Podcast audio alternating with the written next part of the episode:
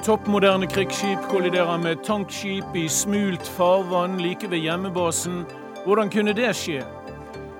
Regjeringen lovet å bremse lønnsveksten blant statlige ledere, men Riksrevisjonens funn viser at lønnsfesten bare fortsetter. Er det internasjonale fotballforbundet vanstyrt og korrupt? Norsk Fifa-direktør er lei av at fotballen får skylden for alt som er galt.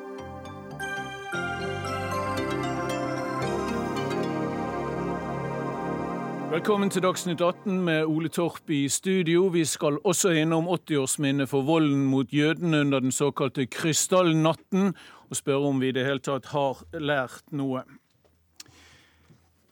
Med kraftig slagside ligger den høyteknologiske fregatten KNM Helge Ingstad i kveld fremdeles i fjæresteinene ved utskipningshavnen Sture terminal, en liten time nordvest av Bergen.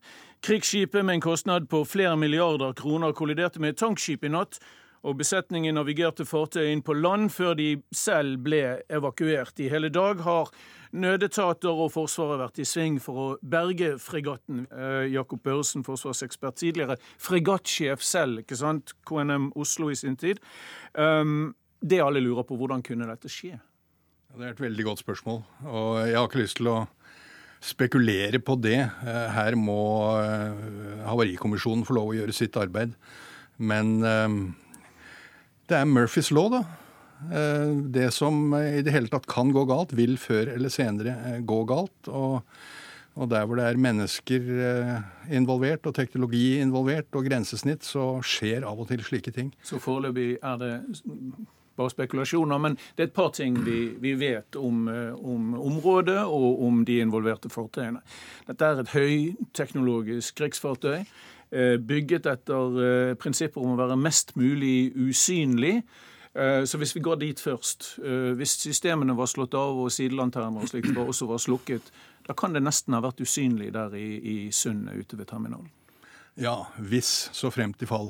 Eh, så vidt jeg vet, så var fartøyet på vei hjem etter denne øvelsen. Eh, Trident Juncture. Trident Juncture eh, på vei hjem til Håkonsvern, og, og, var nesten hjemme.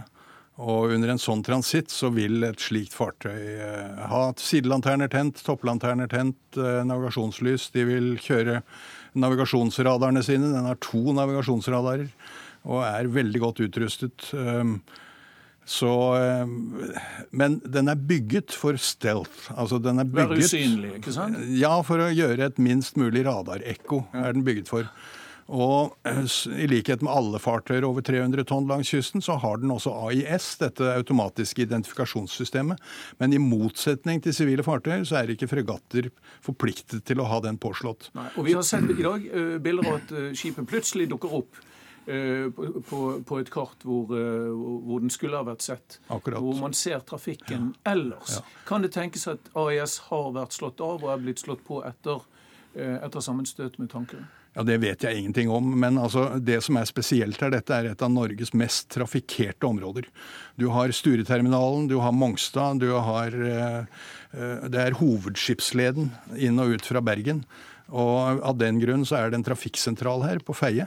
Eh, som jo følger trafikken og, og, veileder den. og Hvis de ser at fartøyer nærmer seg, eh, så gir de beskjed om at det er fare for kollisjon og gir råd om å endre kurs osv. Mm. Men de er i stor grad avhengig av disse transpondersignalene fra AIS-en. Så det er klart at hvis fregatten har slått av AIS, og eh, slik den er bygget at den er vanskelig å se på radar, så er det fullt mulig at uh, at Feie, ikke har sett den. vi skal komme tilbake til det, for nå har vi kontakt med reporter Christian Lura, tror jeg, i, eh, i Øygarden der ute hvor, eh, hvor krigsskipet ligger. Og, og Christian Lura, igjen spørsmålet, hvordan foregår bergingsarbeidet akkurat nå?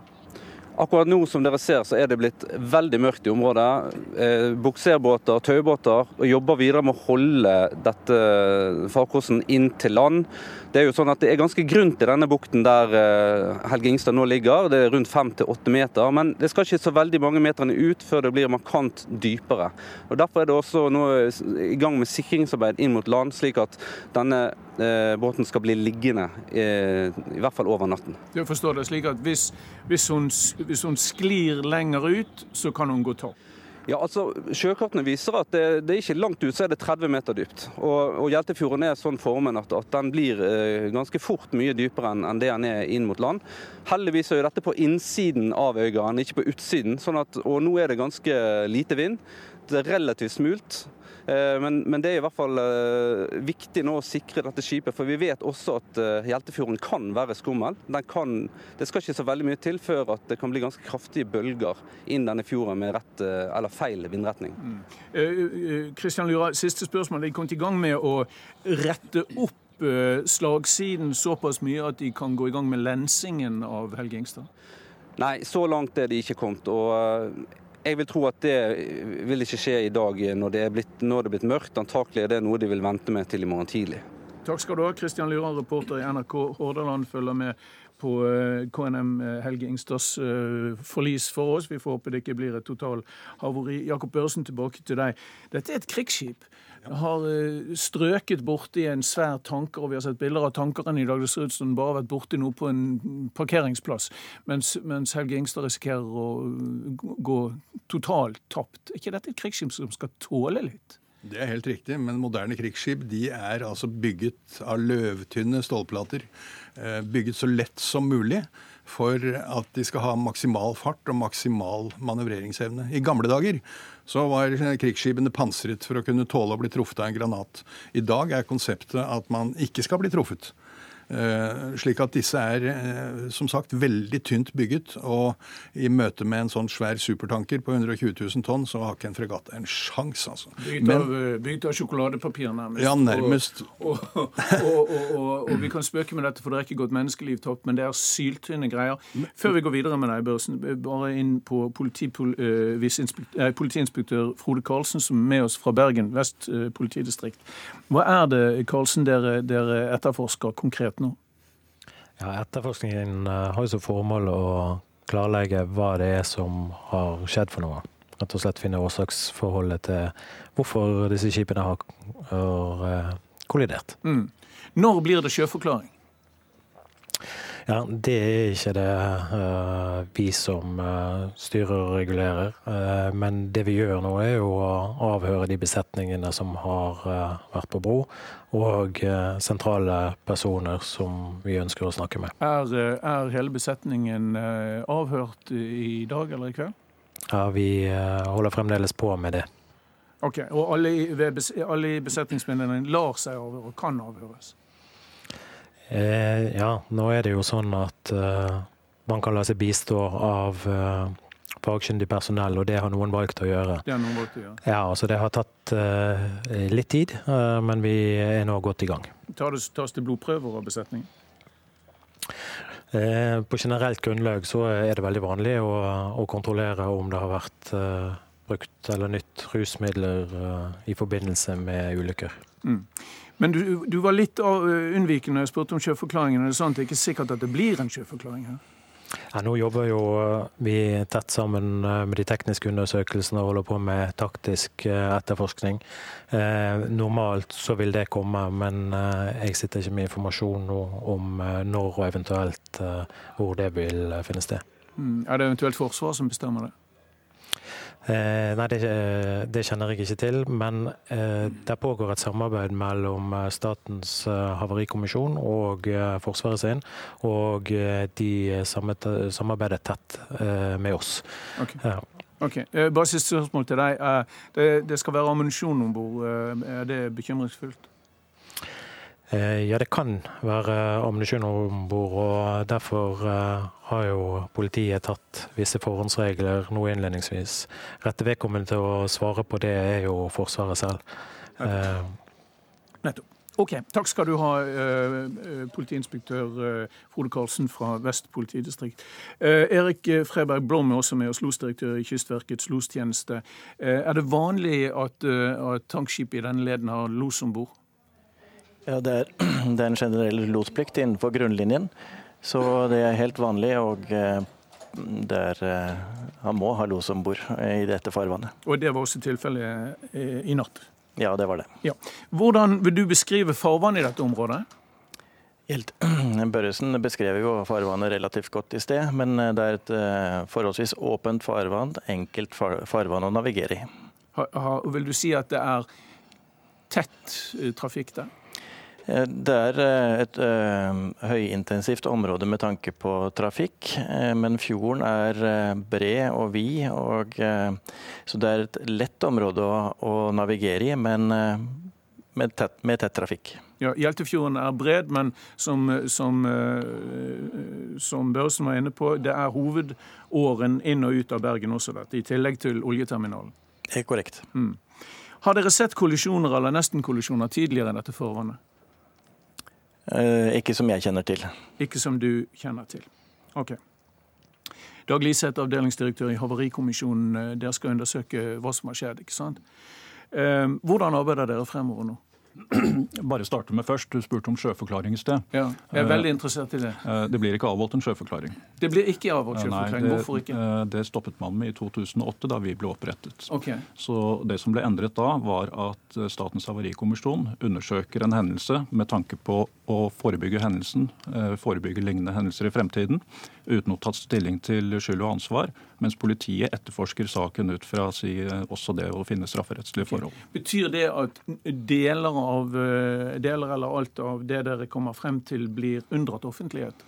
Nei, jeg spør eh, fordi det er et, eh, et forsvarsfartøy ja, i. Statens havarikommisjon, utgangspunktet vårt, det er at når vi har gjennomført en undersøkelse, så skal vi alltid avgi en offentlig rapport, og det vil vi også gjøre i dette tilfellet. Det vil også bli gjort, ok. Mm. Hva slags undersøkelser eh, gjør dere nå? Er det bare teknisk, eller er det andre undersøkelser? Også? Nei, vi undersøker ganske bredt nå.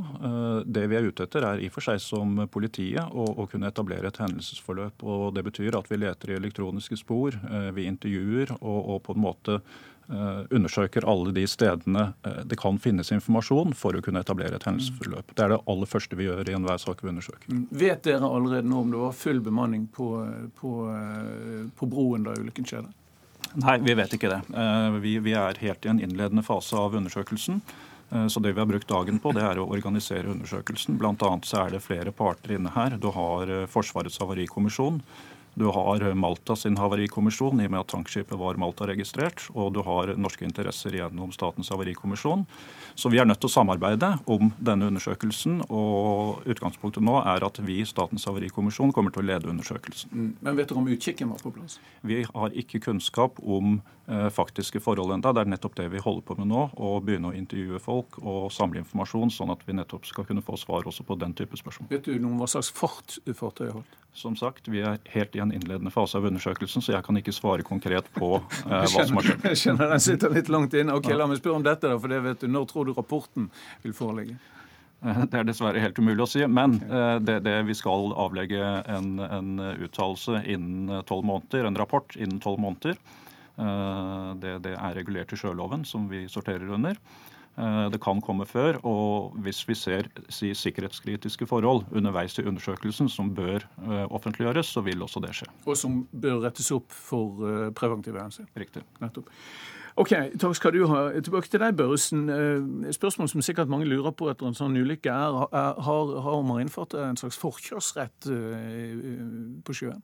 Nei, på ingen måte. Uh, tvert imot. Uh, et fartøy som, uh, som en Fridtjof Nansen-klasse fregatt, hvis den av øvelseshensyn går med slukte lanterner, radarsystemene avslått kanskje, så, slik at den er vanskelig å se for omliggende trafikk, så har et marinefartøy altså hovedansvaret, eller har alt ansvar. Særskilt plikt, Særskilt plikt til, å, til, å, unngå uh, episoder og, og ulykker.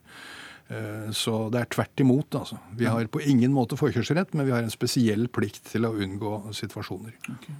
Vi har også med oss prestetalsmann Eskil Eriksen fra Equinor, altså tidligere Statoil. Um, dere stengte jo styreterminalen og flere oljeplattformer i dag etter, den, etter denne kollisjonen. Ehm, hvor mange plattformer måtte dere stenge, egentlig? Eh, det var jo først og fremst eh, installasjoner eh, som var knytta til Sture- og Kolsnes-anleggene. Og det var plattformer i Osberg- og Troll-området. Hvor lenge varte dette?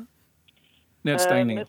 Vi stengte ned klokken åtte i dag, og så har vi nå starta opp igjen både Sture og Kolsnes klokken tre. Så for oss er jo dette et kortvarig produksjonsavbrudd. Likevel kan du si noe om konsekvensene, eventuelt økonomien i det. Hva, har det kostet staten å stenge dette? Jeg ønsker ikke å gjøre noen vurdering av økonomiske konsekvenser. Vi har opprettholdt våre forpliktelser i markedet. Eh, og så jobber vi nå med oppstartsaktivitetene, og vi er opptatt av at de eh, oppstarten skal være på en trygg og god måte. Ja, er, det, er, det, for tidlig å si om oppstarten har vært vellykket, eller? Ja, Det vil variere fra felt til felt. Eh, dersom oppstartsaktiviteten går som planlagt, så snakker vi om en oppstart i løpet av timer og og ikke dager. Og Dette er et arbeid som pågår, og så langt har det gått etter planen. Ok, Takk skal du ha, Eskil Eriksen, prestetalsmann i Equinor. Tilbake igjen til deg, Jakob Børresen. Dette er jo, Vi kjenner jo historien delvis. Eh, ett av fem spanskbygde marinefort marinefartøyer. sto mye politisk strid om det. var veldig mye penger. De kostet mye penger også.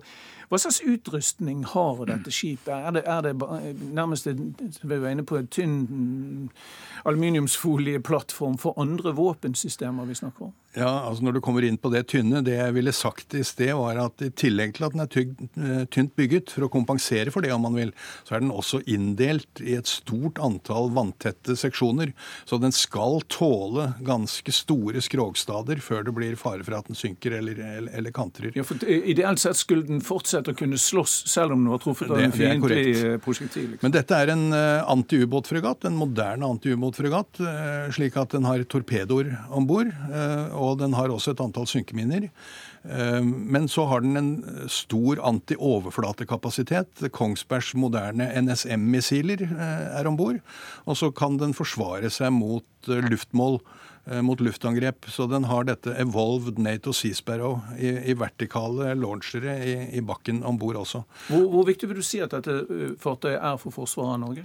Ja, det er, eh, det er, helt grunnleggende viktig. Eh, disse fregattene har eh, som hovedoppgave å sørge for at innseilingene til forsterkningshavnene våre er fri for undervannsbåter og trusler. Og Norges lille forsvar er helt avhengig i et virkelig tilfelle av allierte forsterkninger. Og fordi vi er en øy i forhold til våre allierte, atskilt fra dem med hav, så må slike forsterkninger komme inn på kjøl. Og disse fregattene har som hovedoppgave å sørge for at disse forsterkningstransportene kan komme inn i, i et virkelig tilfelle. Så hvis, hvis vi står overfor et totalhavari her, så har det gjort et dypt innhogg i norsk forsvarsevne? Har vi mistet 20 av 20%. Eh, fregattkapasiteten vår. Eh, dette er det skipet som var med å eskortere kjemiske våpen ut fra, ut fra eh, Syria for noen år siden. Og det er et annet poeng. Altså, er, disse fregattene er også vårt viktigste bidrag til Nato. Eh, Helge Ingstad var nå en del av Natos stående marinestyrke, SNMG1, og var under taktisk eller operativ kontroll av Nato. Eh, og den kapasiteten har vi nå mistet. Og hadde selvfølgelig mange år eh, i aktiv tjeneste foran seg, hvis vi nå ikke mister det fullstendig. Ja, jeg ser ingen grunn til at vi skal miste det fullstendig. Det blir et økonomisk spørsmål. Vi snakker nok om et tresifret millionbeløp for å få den tilbake. Men eh, vi hørte her fra Bergen at den, den ligger eh, nå stabilt på bånn, støttet opp og tjoret til land, så jeg har god tro på at den skal bli berget. Så reparasjonsdokken på Håkonsvern neste og masse arbeidsplasser i skipsindustrien på Vestlandet. Jeg må takke dere for at dere kom, eh, særlig deg, Jakob Børsen, som, som jo kommer med bok om uh, eh, KNM Oslo, som du førte i sin tid og var skipssjef på, og som jo også forliste på den tøffe vestlandskysten. Takk til deg, takk til, uh, til Dag Liseth i, i Havarikommisjonen, Erik Eh, Blom, i, eh, som er losdirektør, og Eskil Eriksen i Equinor. Dagsnytt 18 alle hverdager kl 18.00 på NRK P2 og NRK2. I kveld eh, markeres det med fakkeltog i Oslo sentrum at det er 80 år siden novemberpogromene, eller krystallnatten som nazistene kalte det, de omfattende voldshandlingene mot jøder og jødiskeid eh, eiendom i Tyskland og Østerrike. Over 1400 synagoger og syv ble satt i brann, og 7500 forretninger ble ødelagt. Alt var satt i verk av den nazistiske tyske regjering, og volden var vel på mange måter et frempek for hva som skulle komme etter hvert av jødeforfølgelser i, eh, i Europa. Ervin Kohn er, er leder for, eh, for uh, forstander i Det mosaiske trossamfunn i Oslo. Leder akkurat nå denne, dette fakkeltoget, som er et samarbeid med Antirasistisk Senter og Nationaltheatret. Og Ervin Kohn, hvor mange er det dere som går i tog i kveld? Jeg tror vi er en 500 stykker. Og Det er uh, veldig bra. og Vi har to politihester foran oss, og det ser veldig fint ut. Uh, det er kanskje noen som lurer på hvorfor det er viktig å markere en 80 år gammel hendelse som skjedde nede i Europa her i Oslo i kveld? Jo, det er viktig fordi det er viktig å huske, sånn som Georg Santaniana, Harvard-professor, sa, den som ikke kjenner sin historie, han er dømt til å gjenta den. Og det er En annen grunn til at det er viktig, det er at uh, vi må lære og vi må huske. Mm. Og Det er mange misoppfatninger rundt uh, krystallnatten, bl.a. at uh, det hadde noe med krigen å gjøre. Så det er de som har spurt hvorfor skal vi holde på å markere dette her som er så lenge siden krigen.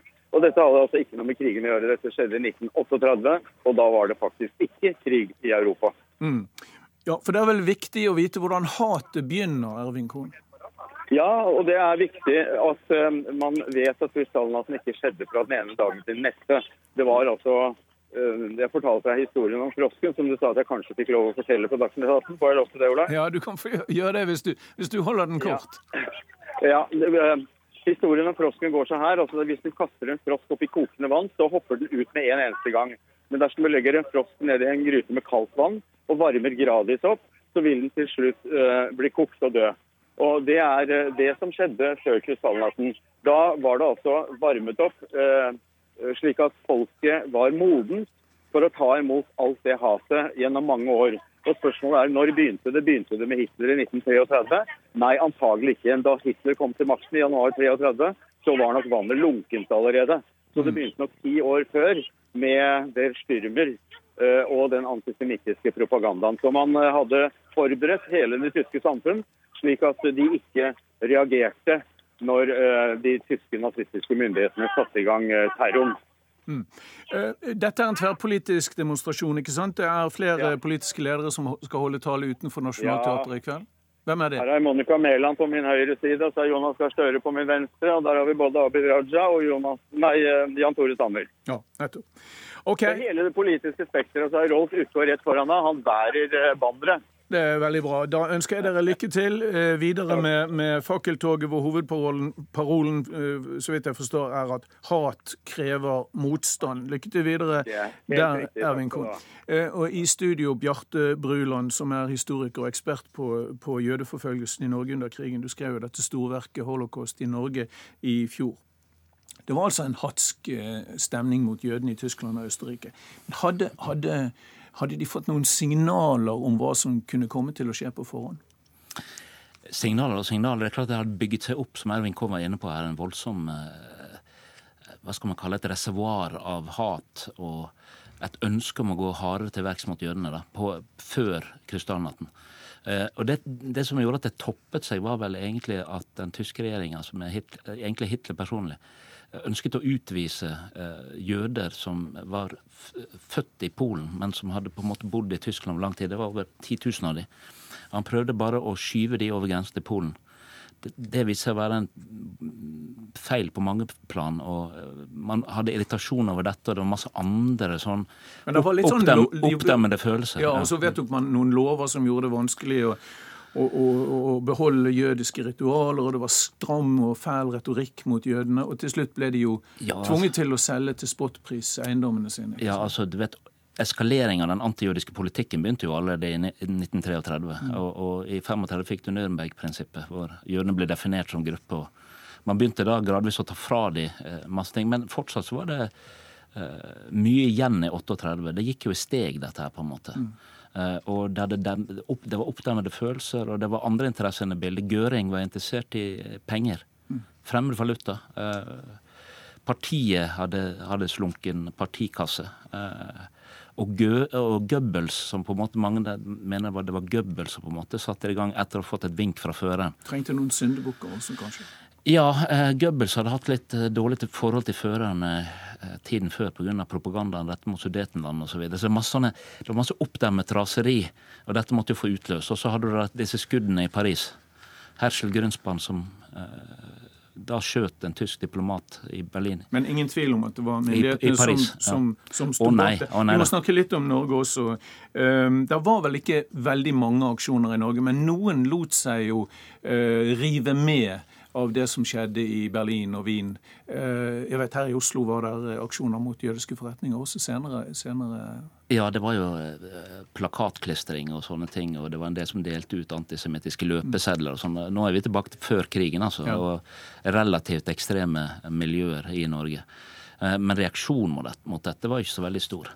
Men det skal sies at når det gjaldt Krystallnatten, så det er klart at det er en vending også i norsk presse. Den borgerlige pressen hadde jo på mange plan vært nokså sympatisk til det nye tyske styret. Mm. Eh, med krystallnatten får du en relativt tydelig Én eh, ting er å nå får det være nok, liksom. En ting er å slå, mm. Eh, en, en, ting er å ta fra en fiende deres eiendommer osv. En annen ting er å sparke noen som ligger nede. Det var sånn på en måte det ble oppfattet. Mm. Det er klart at I andre deler av pressen så hadde man vært oppmerksom på den nazistiske faren i mange år før dette. Men det er klart det, det sjokkerte jo verden. Det sjokkerte verden. Ja, da, ser du noe i retorikken helt til slutt uh, fra den gang som minner om retorikken vi ser i dag når det gjelder fremmedhat? Ja, det gjør jeg. Og jeg uh, ser jo også paralleller til den retorikken som ble brukt i Pittsburgh, f.eks. Mm. Uh, det er jo sjokkerende for meg. Jeg, jeg, må si at når jeg hørte om disse skuddene i Pittsburgh, så ble jeg nokså sjokkert. Selv om jeg visste at uh, antisemittismen er i framvekst også i USA. Og mm. den er jo definitivt i framvekst i Europa. Bare for noen dager siden elleve drepte i en synagoge i Elleve stort sett gamle mennesker. Den eldste var 97. Og holocaust overlever selv ja. Eh, så langt. Bjarte mm. Bruland, vi må takke deg der. Mm. Takk for at du kom til Dagsnytt 18. Takk også til Ervin Kohn og hans eh, demonstrasjonstog i sentrum.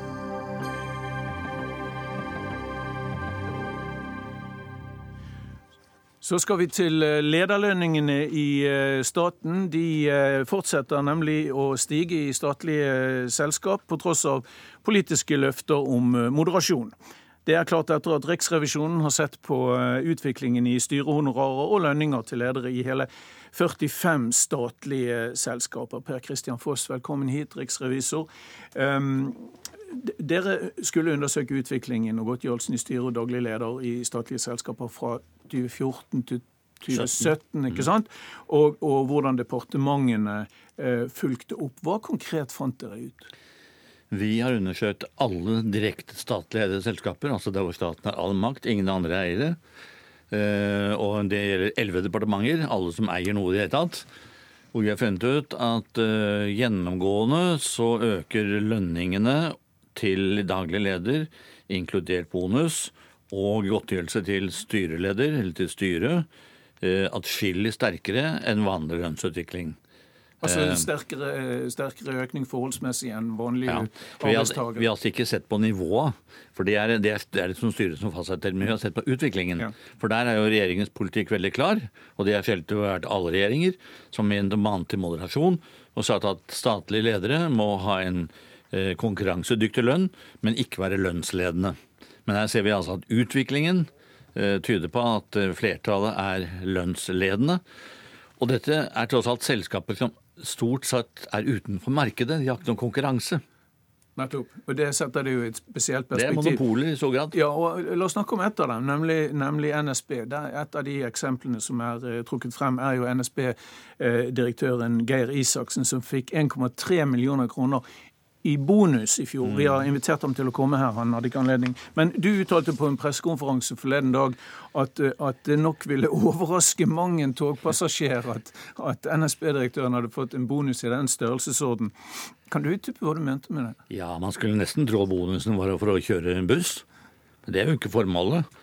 Målet er å kjøre tog. Mm. Og dette er et selskap som på det tidspunktet var helt uten konkurranse. Altså Bortsett fra at han selvfølgelig kjører egen bil, men men det er tog, og det er ingen andre som kjørte tog. Så lønnen var meget høy. Jeg ser at han i 2014, da vi startet undersøkelsen, hadde en lønn på 3,5 million. Og på toppen av det eh, har store bonuser. Altså I 2017 utgjorde bonusen hans 35 av lønnen. Det er litt vanskelig å skjønne at et sånt monopolselskap skulle trenge en bonus for å stimulere til godt lederskap. Nettopp. Eh, Karstein Eidem Løvaas, du er, eh, du er stortingsrepresentant eh, for Høyre og sitter i næringskomiteen. Regjeringen har jo kontroll på, på eh, departementene som eier flere av disse selskapene, kan instruere og, og kan, kan, kaste styrene i ytterste konsekvens hvis dere er misfornøyd. Hvorfor hører ikke styrene på, på hva eierne sier om lønnsveksten? Det er jo som du sier styrene som bestemmer lønnen til daglig leder. Det er litt sånn høk over høk her. Ja, det er høk over høk. Og som du også sier, så kan selvfølgelig departementet endre styresammensetningen eller instruere styret. Men det, er, det ligger jo en instruks til styrene. Det ligger en instruks at man ikke skal være lønnsledende, men man skal ha konkurransedyktige vilkår. Eh, så jeg har lyst til å ta tak i NSB-eksempelet ditt. altså mange, Mangeårig togpendler, så forstår jeg litt av frustrasjonen til riksrevisor. Samtidig så, så er det jo også sånn at NSB er et veldig godt eksempel på et selskap som går gjennom veldig store strukturendringer. og Vi så det i anbudet på Sørlandsbanen, hvor de kunne levere et produkt til halv pris Eh, litt enkelt sagt, av det de gjør i dag. Det betyr at de eh, jobber ganske mye med kostnadsstrukturen sin, som nok kan eh, rettferdiggjøre at lederen får, får bonus. Men hør, både, Jeg kommer til den rød-grønne siden også, men både Arbeiderpartiet og Høyre har, har, i regjering forsøkt å bremse denne lønnsutviklingen. Har sagt høyt at dette skal bremses, skal tøyles. Kan denne lønnsutviklingen likevel være et symptom på at det er noe helt strukturelt galt med måten vi innretter oss på med lederlønninger i statlige bedrifter? Jeg syns vi skal ta eh, revisjonens rapport på alvor. Den peker på at eh, et flertall av bedriftene eh, så gjelder dette. Det betyr også at det gjelder ikke alle bedrifter. Noen av disse har også vært gjennom og er gjennom store strukturendringer. Jeg syns vi skal ta det på alvor og vi skal se på det, men det er, det er jo ikke sånn at Men, men jeg, vet du, jeg har spurt om strukturene her, om det er noe strukturelt galt? Jeg tror ikke det er noe strukturelt galt, men jeg eh, syns vi skal være veldig obs på dette fordi det er dine og mine penger. Det er skattebetalernes penger som går til disse lederlønningene og disse bonusene. Men, det er, men er det helt vilkårlig da, hvis det ikke er strukturelt? Nei, det er jo ikke vilkårlig. Det er jo det jeg prøver å si. Det er jo ikke alle bedriftene det gjelder. Det gjelder eh, i Riksrevisjonens rapport et flertall av bedriftene. Det betyr også at det er en del bedrifter det ikke gjelder, men vilkårlig kan man ikke kalle det. Men vi må jo ha tiltro til styrene. Skal det viser seg at styrene har gjort noe galt, vel da blir det opp til staten som eier å gripe inn. Det bare skjer så sjelden. Nils Kristian Sandstrøen, du er, eh, du er eh, Sandtrøen, unnskyld, du er stortingsrepresentant for Ap og, og, sitter også i komiteen. Hva forteller disse funnene fra, fra, fra Foss og Riksrevisjonen deg? Det forteller om en svært alvorlig samfunnsutvikling i Norge, hvor eh, forskjellene øker. De eh, rikeste drar ifra, og vanlig hardtarbeidende arbeidsfolk blir da skadelidende for denne utviklinga. Når vi er inne på NSB, så er det jo veldig interessant å se hva denne privatiseringa fører til. Samtidig som da NSB-direktøren skal ha millionbonus på toppen av flere millioner i lønn, så har vi eksempelvis uh, 61 år gamle Hjalmar. Det er ikke så veldig greit å vise frem det der, for vi nei, er på radio. Og vi er på TV òg. Men poenget er enkelt og greit, Ole. Det er at Hjalmar her, som er 61 år gammel, han har jobba på NSB siden 1974 og kan nå miste AFP med fire måneders margin. Og Samtidig så sier nå Jon Georg Dale fra Frp at kanskje så må ansatte generelt ned i lønn, som gjør et viktig jobb for at vi skal ha trygge reiser, toga skal være ren, mens direktøren bare fortsetter å øke. Og Da er det én ting som er viktig å legge til. For i den debatten her så er det lett at det blir teoretisk. Men dette her handler om fordeling av verdier. Og det selskapet som nå skal inn på jernbanen, der sitter jo direktøren med en lønning på over 2 millioner pund, altså 20 millioner kroner. Og da er det viktig å få med, Ole det er et privat selskap. ja, og det er der poenget kommer. Fordi den vil fortsatt drive i et monopollignende system og det selskapet mislykkes i England. Så okay. Der ser vi altså en leder som har altfor høy lønn, som har gjort en dårlig jobb, og togpassasjerene i Storbritannia er misfornøyd. Med hånden på hjertet, Ville lederlønningene i eh, statlige selskap vært lavere om Arbeiderpartiet fortsatt satt i regjering? Det ville vært mindre forskjeller, fordi vanlige folk får muligheten til å beholde lønn og pensjon, er... samtidig som vi hindrer at da du får en ytterligere bensin på bålet med f.eks. den privatiseringa som vi nå men, men, ser. Men stadig med hånden på hjertet, er det det historien viser? Historien viser at vi òg trenger å gjøre mer enn det vi har fått til før. Det, det, er helt riktig, Men da må vi legge til. Da må vi jo gjøre det vi vet fungerer, ikke det som man har mislykkes med i Storbritannia. Foss. Ja, Dette er ikke noen debatt om privatisering. Dette ble gjennomført Nei, det... på, et, på, et, tidspunkt da det ikke var noe i nærheten av privatisering innenfor NSB-sektoren. Men, eh, og det er ikke noe som tyder på at denne utviklingen med at stat, statsselskapene driver litt, fred, driver litt, fritt i forhold til statens egne retningslinjer, eh, at det er noe som oppsto under denne regjering. For jeg er såpass gammel at jeg husker også en veldig god en uttalelse fra Trond Giske etter at han har vært næringsminister i flere år. Han tok vel selvkritikk til og med? Ja, han kritiserte for det samme. Og tok selvkritikk og sa at nei, dette har jeg ikke lykkes med. Så det er, det er, noe systemisk eh, galt som i programmet dere var inne på, når regjeringens retningslinjer ikke når frem til styrene, og derfra eh, ikke til, til, til daglig leder.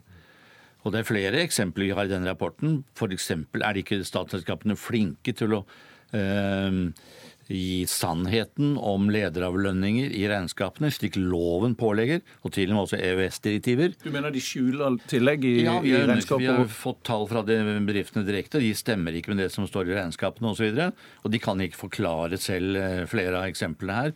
På at de statlige selskapene? De statlige selskapene. Skjuler man, skjuler man tilleggene som sjefene får? Ja, om man skulle tro at statlige selskaper iallfall skal gå foran og være gode eksempler på de regler som gjennomføres for hele samfunnet.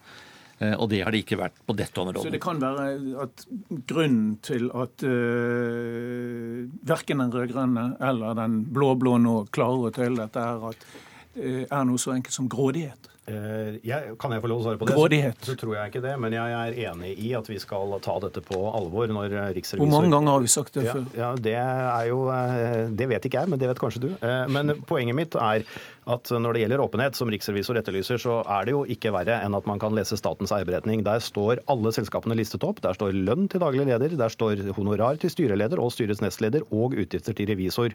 Eh, pent satt opp i et Excel-ark, veldig lett å lese. Men nå sier Riksrevisor sier at det ofte skjules.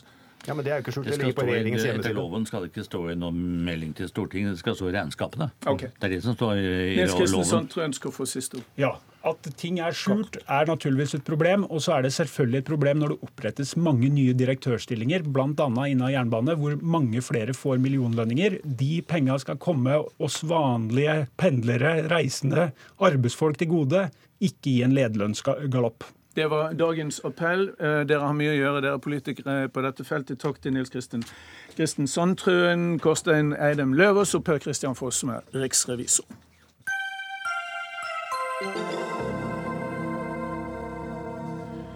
Etter at president eh, Donald Trump i USA sparket justisminister Jeff Sessions i går, spør mange nå om Russland-etterforskningen er i fare. Altså den som skal avklare om det var en ulovlig kontakt mellom Trump og russerne som blandet seg inn og påvirket presidentvalget i 2016. Sessions har lenge vært i konflikt med Trump fordi han i, seg, i fjor erklærte seg inhabil i Russlandsetterforskningen. Vi skal først til vår eh, korrespondent i Washington DC. Eh, Veronica Westrin, hva slags reaksjoner er kommet eh, det siste døgnet på Sessions eh, avgang?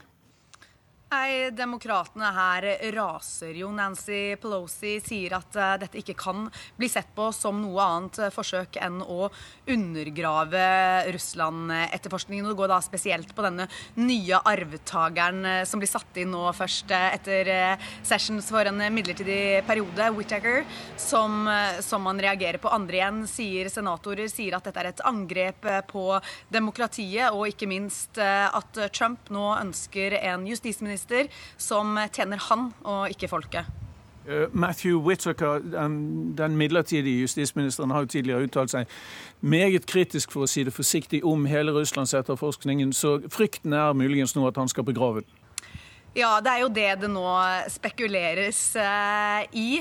Um, Whittaker har jo skrevet et innlegg uh, publisert uh, på CNN hvor han mener at Russland-etterforskningen går for langt når den ser på Trumps privatøkonomi. og det sies også at Trump oppdaga han på TV fordi han var kritisk til denne etterforskningen. Og så har han nå, nå jobba som stabssjef hos justis Utenriksdepartementet den siste tiden, og av mange eh, som jobber der, så har han blitt sett på nærmest som en spion for Det hvite hus. Det høres lystelig ut. Sofie Høgestell, jurist ved, ved, Universitetet i Oslo og USA, eh, kjenner, som vi har gleden av å ha her eh, ofte. Um, hva vil du si er hovedkonflikten mellom Sessions og Trump? Så det som skjedde var at Jeff Session var den første senatoren som virkelig omfavnet Trump under valget i 2016. De var gode venner, de hadde et veldig nært forhold. Og så utnevner Trump han litt som takk da, til justisminister. Um, men uh, så uh, uh, melder Jeff Session seg inhabil i Russland-saken. Han sier at det er en internregel i, um, i Justisdepartementet som sier at dersom du har vært med på en, en, kampanje, altså en valgkampanje, så kan du ikke etterforske den valgkampanjen. Det virker jo ganske logisk at han ikke skal etterforske seg selv, eller noen man selv har vært en del av. Mm. Uh, så han um, går da uh, ut av Russland-etterforskningen i mars, to, uh, i mars 2017.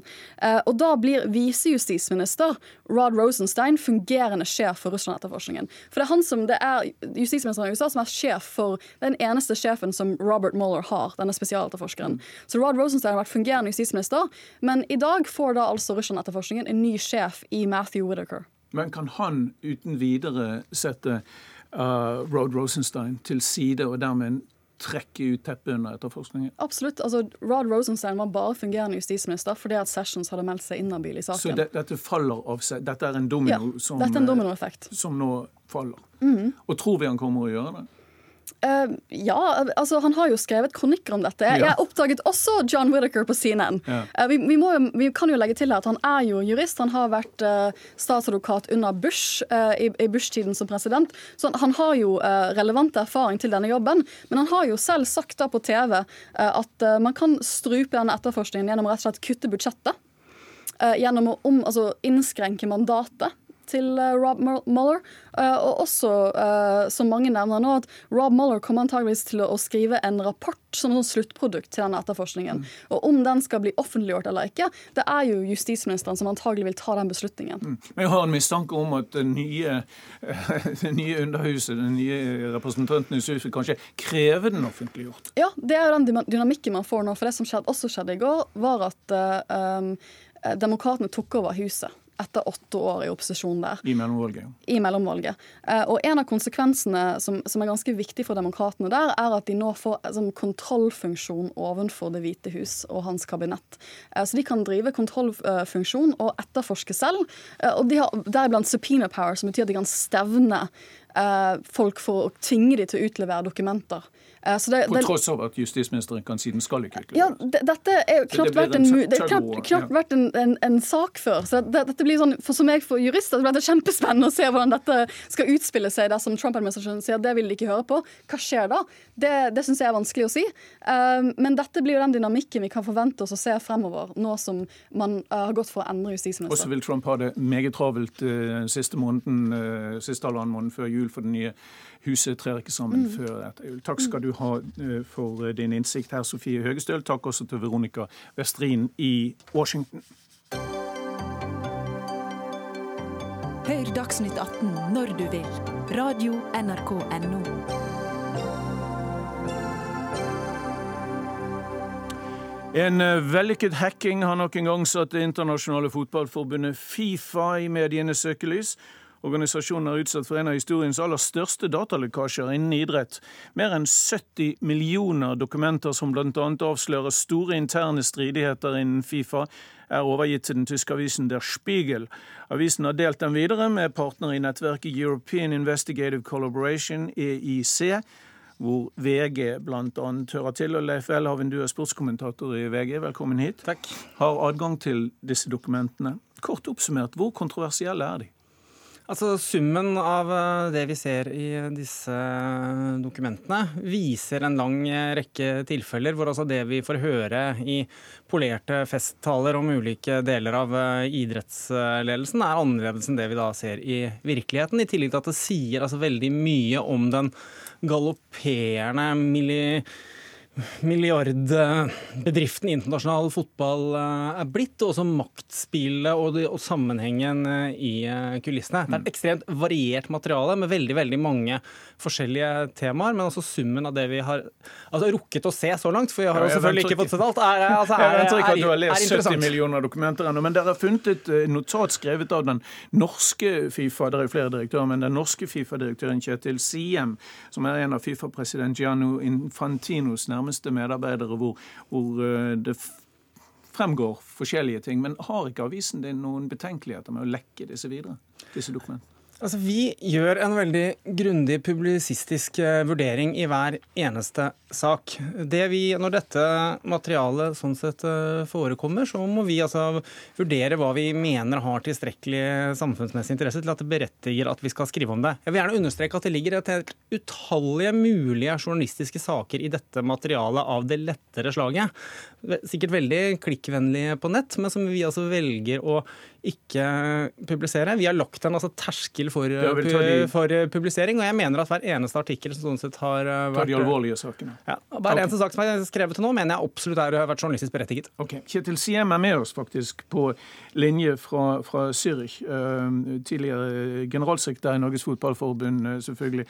Siem, hvor skadelige er disse lekkasjene for Fifa? Det er egentlig vanskelig å svare på. fordi at det har jo en balanse i, i at eh, noe er jo egentlig bra kommer fram. Det etiske dilemmaet som eh, Welhaven beskriver i forhold til VG og andres eh, publikasjoner i forhold til hva de trykker og ikke trykker, det, det kan en alltid diskutere. Men det er klart at eh, det er på en måte fragmentert da, i forhold til det som er det totale bildet. Så En av de eh, tingene han belyser, eh, pengegaloppen, den syns jeg er veldig interessant. for okay. den har mange aspekter. Mm. Eh, men når en del av det er dagens Fifa-president, tidligere Uefa-generalsekretær Gian Infantinos rolle i forhold til financial fair play, så blir ikke helheten eh, dekka. Det ser ut som han kanskje har gjort noe ikke kriminelt, så i hvert fall i en gråsone. Der oppleves det jo på en annen måte for dem som sitter nærmere, da, selv om eh, jeg har ikke noen problemer med journalistiske poenger. men, men det blir på en måte litt tatt ut av en større sammenheng fordi at Financial fair play er ikke noe som myndighetene eller skattemyndighetene har pålagt fotballen. Det er fotballen sjøl som har innført et regelverk i et forsøk på å skape en balanse og stå litt imot det som, som Welhaven eh, beskriver. Altså, så, egentlig, så, egentlig, er dere på, på, samme side, da. Men jeg har forstått det sånn at det er noen dokumenter som omhandler deg også. Og, og, og du vil nødig kommentere innholdet i det, det, som VG hadde mandag, var det vel, hvor hvor, eh, hvor det var en, en relasjon til en, til en, eh, afrikansk uh, fremtredende fotballeder. Men, men, du diskuterer gjerne Fifas fremtidige rolle i fotballen. ikke sant? Og spørsmålet er er organisasjonen din nå blitt i hovedsak en stor pengemaskin? Fifa har egentlig de siste par-tre tiåra vært en stor pengemaskin. Og det som er rart med Fifa og inntektene, det er at alt kommer fra herrefotball-VM hvert fjerde år. Hver en krone i prinsippet kommer da, og det er enorme beløp. Fordi at NRK eller VG eller andre kjøper TV-rettigheter eller sponsorrettigheter til et arrangement som går over en måned. Der kommer alle penger. Og Så får du en, nå en dimensjon, f.eks. denne Superleague er nevnt. Det er det Fifa jobber imot. fordi at Superleague det er da noen klubber eller noen kommersielle interesser eller dataselskaper eller medieselskaper som prøver å bryte ut av fotballfamilien og danne en egen liga som ikke skal være en del av fotballfamilien, hvor penger blir da hos andre enn fotball. Mens Fifa jobber da hardt for å unngå det. fordi at ja, Det er ditt inntrykk også, uh, vel, når, du ser, uh, når, du ser, disse dokumentene. Og igjen, ikke alle de 70 millionene. At, at uh, Fifa er en demokratisk organisasjon som står imot de store pengeinteressene. For meg så blir dette litt, nesten litt sånn pest eller kolera. Jeg syns ikke denne superligaen er noen god idé. Men hvis altså Kjetil Siden snakker om kontekst og det hele bildet her, så er jo det interessant at du ser at, det, at en lang rekke av de internasjonale særforbundene befinner seg i en dyp legitimitetskrise, fordi vi har sett det ene etter det andre til tredje til fjerde eksempelet på, altså på grov vannstyre. Det er spennet fra IOC til det internasjonale skiskytterforbundet, og så da til Fifa, som har vært gjennom en lang rekke skandaler, og som altså skal arrangere sitt neste verdensmesterskap. Men nå sier de at det er det de vil bekjempe, med ny ledelse, nye direktører, og nå skal altså, de komme Problemet her er at det, internasjonal idrett har en tendens altså, til å være veldig demokratisk i navnet og de formelle strukturene, men når vi ser altså hvordan ledelsen blir utøvd i praksis, så ser vi altså så mange grelle eksempler på at, veldig, at mye av altså, demokratiet finner sted på papiret, mens de reelle beslutningene tas i lukkede rom med makt konsentrert på, små, på få hender. Og hvor disse papirene eksempel, altså, når vi viser hvordan de interne etikk eh, vaktbikkjerollene, altså etikkomiteen f.eks., er blitt svekket på Infantinos vakt. Mm. Svekket på Infantinos vakt, sier han. Hva sier du til det? Nei, altså, Det er klart at det er et veldig stort uh, bilde som, uh, som, kan tegnes rundt Fifa i forhold til etikk, og i forhold til kommersialitet og i forhold til turneringsformatene. Og, og da er det uh, for meg å kommentere om, om ting har blitt svekka eller styrka. Det en kan si, det er at, at dem som var i det forrige regimet, var jo rekruttert av det forrige regimet. Og det kan være grunner til at folk ikke er der lenger. Det er mange aspekter som er nesten umulig å kommentere. Men det jeg kan garantere, fordi at de sitter der som de sitter, er at Gianni Infantino han vil det beste for fotballen. Han vil at disse store kommersielle pengene forblir i fotballen, og ikke havner hos medieselskaper eller andre selskaper, som vi ser hele tida et forsøk på. Det Er det, er, det, er det, et løfte vi kan komme tilbake til deg med om et år eller sånn? Ja, men Du hører meg ikke helt ut. fordi at uh, Du kan ta noe så banalt som en treningskamp på, mellom Vålerenga og Liverpool. Så vil det alltid være noen som har arrangert den utenfor fotballen. Eller oppvisningskamp Brasil-Norge på Ullevål. Alle tror at det er liksom helt greit, og det er det på mange måter. Men da forsvinner penger et annet sted. Og det Fifa prøver å beskytte, det er at penger forblir i fotballen, sånn at de kan betales ut som medlemsavgift til f.eks. NFF i en størrelsesorden 50 millioner på en en, en fireårsperiode, som skal, igjen skal brukes til å drifte norsk fotball, og ikke et eventselskap eller noen utenfor. Fordi at Blir det en superliga utenfor fotballen, så vil NRK, TV 2 og VG kjøper da medierettighetene. Og da forsvinner penger ut av fotballen. Skjønner. Det er jeg prøver å beskrive. Skjønner det. Ja, Da har vi fått en beskrivelse av det. Takk eh, Kjetil Siem, som nå er direktør i Fifa og sitter i Zürich. Og takk til Leif Welhaven i VG, som eh, forbereder den neste avsløring fra det indre liv i Det internasjonale fotballforbundet.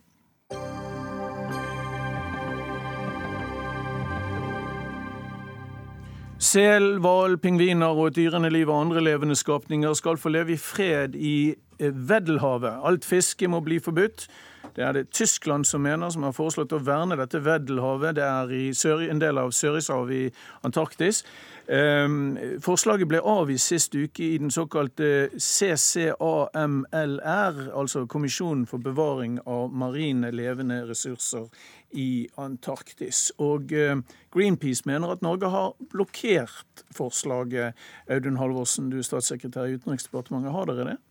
Nei, det har vi ikke. Norge støtter eh, arbeidet med å opprette marine verneområder i Antarktis. Hva er det da eh, Greenpeace har misforstått? De har en framstilling både av Norges posisjon og av prosessene i Kamlar som eh, dessverre ikke er helt riktig, eh, og som ikke bidrar til å gi et godt nok opplyst bilde av situasjonen. Eh, Norge støtter opprettelsen av verneområder. Det er et viktig tiltak for å sikre en bærekraftig forvaltning av disse sårbare og verdifulle områdene. og men de må også være tilstrekkelig vitenskapelig begrunnet for å ha legitimitet, for å kunne stå seg over tid, og for i det hele tatt å komme til beslutning. Eh, og det forslaget som eh, Greenpeace snakker om, eh, kom altså ikke til beslutning i Kamlar på konvensjonsmøtet forrige uke. Det er veldig kompliserte saker, dette, men Stefan Norris, du er Antarktis rådgiver i, i, Greenpeace. Dere står fast på at dette er en blokkering Norge gjør av en viktig forvaltningsavtale av et sårbart område i Antarktis. Er det slik å forstå? Ja. På hvilken måte? Forsøk å forklare. Det er et skrikende behov for å verne verdens økosystemer i, i dag. Vi har mistet 60% av levende organismer siden 1970. I forrige uke så satt det 24 land og EU sammen. Det lå et forslag på bordet om å opprette verdens største verneområde i Veddelhavet et enestående område. En del av eh, Sørishavet. En del av Sørishavet utenfor Antarktis. 22 land stemte for. Tre land var ikke med på å støtte det forslaget som lå på bordet. Det var Russland, det var Kina og av en eller annen merkelig grunn Norge, som ikke støtter dette forslaget.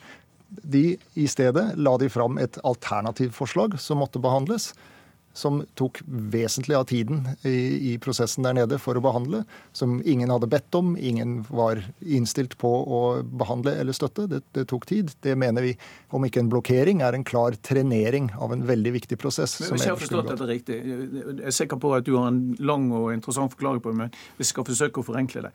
Norge forsøkte å presse frem et slags vernevedtak for den østlige delen av havet, ikke sant? hvor man kan eh, undersøke eh, dyrearter og og levekår for dyreartene. Er det ikke bedre mm, at Norge gjør det, enn at ingen av delene blir, blir vernet? Nei, vi mener ikke det. Det forslaget som lå på bordet, som EU hadde lagt fram på vegne av Tyskland, er basert på årelang forskning og dokumentasjon. Det presenterer et helhetlig økosystem, der hele Veddelhavet, som har havstrømmene, har de økosystemkomponentene som man mener er viktig å ta vare på. Det Norge gjør, er å trekke en strek ned i, og deler dette området i to og si vi kan gå for å verne en del av det, som da er et halvt økosystem, ikke hele økosystemet. De delene som resten av verden mener er noe av de, de mest sårbare og viktigste områdene å ta vare på, ligger da utenfor Norges forslag. Og Det kunne ikke EU godta, for det var ikke det forslaget som lå på bordet. Hvordan er vi i lommen på Russland og Kina i dette spørsmålet? Nei, overhodet ikke. Og det er, altså, det er en del helt grunnleggende feil i uh, Norris sin faktafremstilling her. Eh, for det første så er altså eh, ikke Kamlar en organisasjon som tar forslag til avstemning. Det er en organisasjon hvor stater må sette seg ned rundt et bord og forhandle seg til enighet. Det er ikke en avtale som skal ratifiseres som ligger på bordet? Nei, altså dette er en enighet som skal forhandles fram mellom disse 24 landene og EU. Eh, og sannheten er at det var veldig tydelig tidlig i dette møtet at EUs forslag, som heller ikke kom til noen realitetsbehandling, ikke ville ha konsensus i dette kommisjonsmøtet. Da hadde vi, Norge, en dialog med EU. Vi la fram vårt forslag i samråd med EU, og forslaget ble altså ønsket velkommen av kommisjonens samlede medlemmer. Men Hva er problemet med å verne hele, hele, hele havområdet? Det handler om at Dette handler om bærekraftig forvaltning. Dvs. Si at uh, vernetiltakene er én viktig komponent i maritime verneområdene. Men det handler også om uh, forsvarlig, bærekraftig bruk. Og det er det som er uh, Karmlars formål. Okay. Men, men, men, fordi uh, vi må altså gå videre. Og hvis dette forslaget til EU hadde blitt satt på spissen, så hadde det vært dødt. Nå hadde vi i samråd med EU uh, et eget uh, forslag, som vi også har jobbet med EU for å utarbeide. Nå har vi en vei videre, og vårt mål er altså vern på sikt, men vi må utvise litt kløkt, litt eh, strategisk tålmodighet for å nå en enighet i denne konsensusorganisasjonen. Vi kan ikke ha så mye mer tålmodighet for tiden vår straks ute. Kan Greenpeace gå videre med dette på noen måte, eller aksepterer dere denne fremstillingen? Vi mener at dette området må, må, vernes som er et helt økosystem, og det er helt meningsløst å kutte det i to. Det, det ligger ikke som et kompromissforslag, eh, dette som kom fra Norge. Ja, der må vi faktisk stoppe. Takk til Audun Halvorsen, statssekretær i Utenriksdepartementet, og Stefan Norris, Antarktis-rådgiver for Greenpeace. Dagsnytt 18 er slutt for i kveld. Teknisk ansvarlig var Hilde Tosterud. Vaktsjef var Fredrik Lauritzen, og i studio satt Ole Torp.